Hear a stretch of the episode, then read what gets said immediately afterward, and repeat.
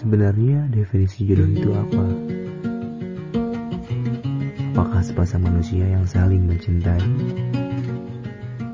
Atau sepasang manusia yang mencintai hanya sebelah pihak?